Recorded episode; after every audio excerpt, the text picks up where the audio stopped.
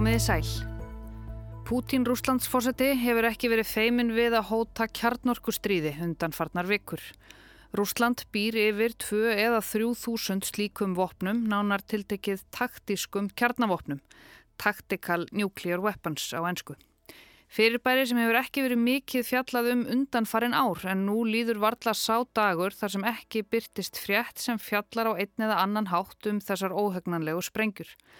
En hvað eru eiginlega taktísk kjarnavopn og hver er munurinn á þeim sprengjum og öðrum sprengjum og hver er munurinn á þeim og stórum kjarnorkusprengjum? Ég heiti Sunna Valgeðardóttir og ég fekk Sigurð M. Magnússon, forstjóra Gíslavarnar Ríkisins í þetta helst í dag sem fjallar um taktísk kjarnavopn.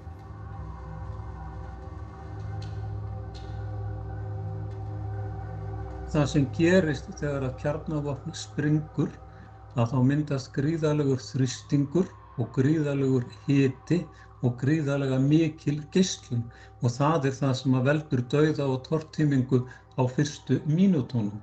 Síðan þegar að, að því líkur að þá er eftir mikið af geislaverkum efnum í andrumsloftinu og í næsta nágræni þess staðar þar sem að sprengjan hefur sprungið og það berst síðan með bara veðri og vindum.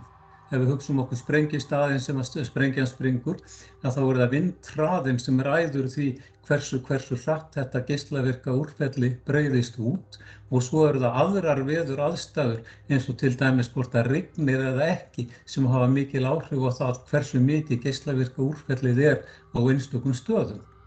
Og það getur drefst einhverja marga, marga kílómetru og jáfnveil 10 kílómetru eftir því hvernig aðstæður eru. Everyone is talking about tactical nuclear weapons. What are they and could Russia actually use them on Ukraine? As former Defense Secretary James Mattis once told Congress, I don't think there is any such thing as a tactical nuclear weapon. Russia has both strategic and tactical nuclear weapons. Estimates suggest that Russia has about 2,000 tactical nukes that have been kept in facilities across the country. The term tactical implies shorter range, less destructive, and more usable weapons intended for striking battlefield targets. Tactical nuclear weapons, they are the kind of nuclear weapons that we've been talking about a lot recently when it comes to the Ukraine war. Tactical nukes are small nuclear weapons that can be used over relatively short distances, which differentiates them from strategic nuclear weapons. Because they are also referred to as battlefield nuclear weapons. So these are nuclear weapons that tend to be shorter range and lower yield. Any nuclear weapon used anytime is a strategic game changer. Tactical Nuclear Weapons. Við höfum enn ekki fundið betri íslenska þýðingu og hugtækið en bara einfallega taktísk kjarnavopn. Það er endalust verið að tala um þetta í tengslum við stríð Pútins í Úkrænu. Hótanir hans um beitingu kjarnavopna sem verðast sífælt verða háværari og háværari. Við heyrðum hér á undan í nokkrum fréttaskýrindum þar sem þau tóku efnið fyrir Tactical Nuclear Weapons. Einn fréttamaðurinn hafði eftir fyrirverandi varnamálar á þeirra bandaríkjana að það er í raun ekkert sem heitir taktísk kjarnavopn. Vegna þess að um leið og kjarnavopn er notað lítið eða stórt þá breytir það öllu, ekki bara einu litlu markmiði. Þessi vopn eru minni en stóru kjarnorkussprengjurnar þar að skjóta þeim stuttar vegalengdir. Þau eru taktísk. Taktíst þýðir eitthvað sem snýst um herrkænsku. Taktíst er eitthvað sem felur í sér leið að ákveðnu markmiði. Rúsland hefur yfir að ráða um 2000 eða 3000 taktískum kjarnavopnum, segja fréttaskýrendur. Og sumir segja að Pútín sé komin svo þjætt upp við vegg að hættan á því að hann ákveði að beita þeim aukist dag frá degi. Joe Biden, bandaríkjafórsiti, sagði í síðustu viku að heimurinn hafi ekki verið jafn nálagt kjarnorkuskstríði síðan í Kúpudeilunni 1962. Hann notaði stór orð eins og Armageddon Ragnarök hefði heimsendi og varaði við því að Pútín geti alveg eins látið vaða og notað kjarnavopn í stríðinu, sérstaklega núna þegar það virðist vera á brattan að sækja hjá honum. Markus Þórhalsson fréttamaður sagði frá þessum ummælum bandaríkjafórseta sem hann let falla á fjáröflunarsamkomu demokrata í New York. Biden rifjað upp þegar sovjetmenn kom upp kjarnorkuflögum á Kúbu fyrir 50 árum og heimurinn rampaði á barmi kjarnorkustríðs. Hann er ekkert að spauga þegar hann talar um að grípa til kjarnorkuvopna nú eða síkla eða efnavopna bætti bætin við og sagði ástæðu Pútins engum megarekja til báks gengis innrásarhersins í Úkrænu. Bandaríkjaforsetti sagði hins vegar útilokað að beita nokkurs konar kjarnavopni án þess að það kveikti stjelvilegt ófriðarbál. Biden gekk svo langt að nota orðið Harmageddon eða Armageddon þar sem háð verður hinn mikla úrslita orustafmiðli afla góðs og íls við heimsendi.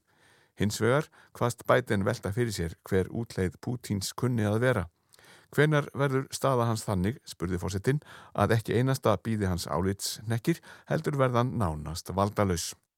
We have some breaking news tonight. At a fundraiser in New York this evening, President Biden just made some extraordinary and highly alarming comments about Vladimir Putin's war in Ukraine and the threat of nuclear war. Biden said the risk of nuclear Armageddon is at the highest level since 1960. Risa frétt auðvitað enda sláandi ummæli. Hann rifjaði líka upp þegar Nikita Khrushchev, leiðtói Sovjetríkjana, fjekk leifi til þess að koma fyrir kjarnaflögum á Kúpu 8. oktober 1962. Bandaríkjumenn bröðust ókvæða við en það væri þjóðar öryggi ógnað. Sovjetmenn tóku flögarnar loks niður eftir langvinnar samningaviðræður og ógnanir á báða bóa í november en aldrei hefur heimurinn staðið nær kjarnorkustyrjöld en þá. En Biden var nú ekki mjög lengi að draga í land með þessar yfirlýsingar sínar. Hann settist fljótlega niður með fréttamanni CNN og var spurður nánar út í þetta. How realistic is it, do you think, that Putin would use a tactical nuclear weapon? Well, I, I don't think he will, but I think it's irresponsible for him to talk about it. The idea that a world leader of a, one of the largest nuclear powers in the world says he may use a tactical nuclear weapon in Ukraine, the whole point I was making was it could lead to uh, just a horrible outcome. Ég held ekki að Putin muni nota kjarnavopn, en þetta er mjög óábyrgt af honum að hóta því, sagði Biden þarna í viðtælinu. Þegar einn valdamesti leðtogi heimsins hótar því að nota taktisk kjarnavopni í Úkrænu þá getur það haft mjög hræðilegar afleiðingar. Ekki vegna þess að þriðja heimstyrjöldin sé eitthvað markmið heldur vegna þess að um leið og einhver beitir kjarnavopni þá verður ekki aftur snúið. What is the red line for the United States and NATO and have you directed the Pentagon and other agencies to game out what a response would be if he did use a tactical nuclear weapon or if he bombed the Zaporizhia nuclear power plant in Ukraine or anything along those lines? There's been discussions on that, but I'm not going to get into that. It would be irresponsible of me to talk about what we would or wouldn't do.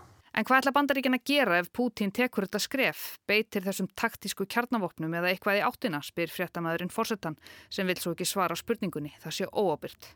Nóum það. En aftur að eiginlegu umfjötunarefni þáttarins, við búum svo vel á Íslandi að þurfa kvorki að velta mikið fyrir okkur kjarnorku verum nýja kjarnorku vopnum, að minnstakosti ekki nótkunn þeirra. Sprengju sérfræðingar landhelgiskeslunar og ríkislauglustjóra eru meira í venjulegum innan gæsalappa sprengjum heldur en kjarnorku sprengjum. En hér starfar stopnun sem heitir Geislavarnir ríkisins og þar heldur maður að nafni Sigurður M. Magnússon um taumana. Hann veit ímislegt um kjarnorku og þar af leiðandi kjarnorku vopn. Ég sló á þráðin til Sigurðar og spurði hann út í það sem er nú endalöst í umræðinu en enginn verðist skilja almennilega, taktísk kjarnavopn. Þegar talað er um uh, taktísk kjarnavopn uh, þá er átt við kjarnavopn sem að hugsuð eru til notkunar á vígvellinum og þau eru haflminni þar að segja sprengikrafturinn í þeim er minni en í svokalluðum strategískum kjarnavopnum. Strategísk kjarnavopn eru, eru gríðarlega öflug og þau eru fyrst og fremst hugsuð til þess að, að leggja heilu borgirnar í rúst eða, eða sagt valda miklum skemmtum á mjög stóru landsvæði. Taktísk kjarnavopn þeim væri kannski skotið með eldflögum sem draga 3-500 km á meðan að strategísku kjarnavopnin þau væru á eldflögum sem að færu frá einni heimsálfu til annarar, til dæmis frá Rúslandi til Bandaríkjana eða öfugt taktísku kjarnavopnin, svo kalluðu, að þau myndu hafa sprengiafl kannski sem að er minna en 100 kilotonn á meðan að strategíst kjarnavopn, það hefur kannski uh, sprengiafl sem að gætu verið nokkur þúsund kilotonn. Ef við hugsaum okkur taktíska kjarnasprengju sem er 1 kilotonn, sem að er lítil kjarnasprengja, Til samanburðar má geta þess að sprengjónu sem var varpað á Hiroshima og Nagasaki þar voru í kringum 20 kilotonn. að eitt kílótonn það er hundra sinnum meiri sprengikraftur en í, í öflugustu hefbundnu sprengju sem notuð hefur verið. Hugmyndin með taktískum kjarnavopnum þegar þau voru þróið á tímum kaldastrýsins var að það væri hægt að nota þau á vígvellin. Ef við hugsaum okkur kjarnasprengju sem er 1 kilotonn að þá myndi hún fyrst og fremst valda dauða og tortímingu á svæði sem væri kannski 1 kilometr í radjus frá þeim stað þar sem sprengjan springur. Ef að sprengjan væri 10 kilotonn þá myndi dauðu og tortíming fyrst og fremst vera innan 2 km radjus. Og síðan eftir því sem sprengjurnar verða öflugri þá verður dauðu og tortíming á stærra og stærra svæði. Þannig að hugsunin með þessu var svo að, að, að beita þessu gegn andstæðingum á vígvellinum. Síðan eru til ímsa tegundir af þessum taktísku kjarnavopnum. Einn tegundin var svo kalluð, voru svo kallar niftindasprengjur og þeim var fyrst og fremst ætlað að stöðva skriðdregasveitir rússa áður en að þær kæmust inn í, í það sem að, að hérna, nú er, er Vestur-Þýskaland. Það eru sprengjur sem voru þess aðeins að geislunin frá þeim var alveg gríðaleg á skömmum tíma en mun minni hiti og þrýstingur en uh, verður við, við, sko, aðra, við notkun annara kjarnavopna.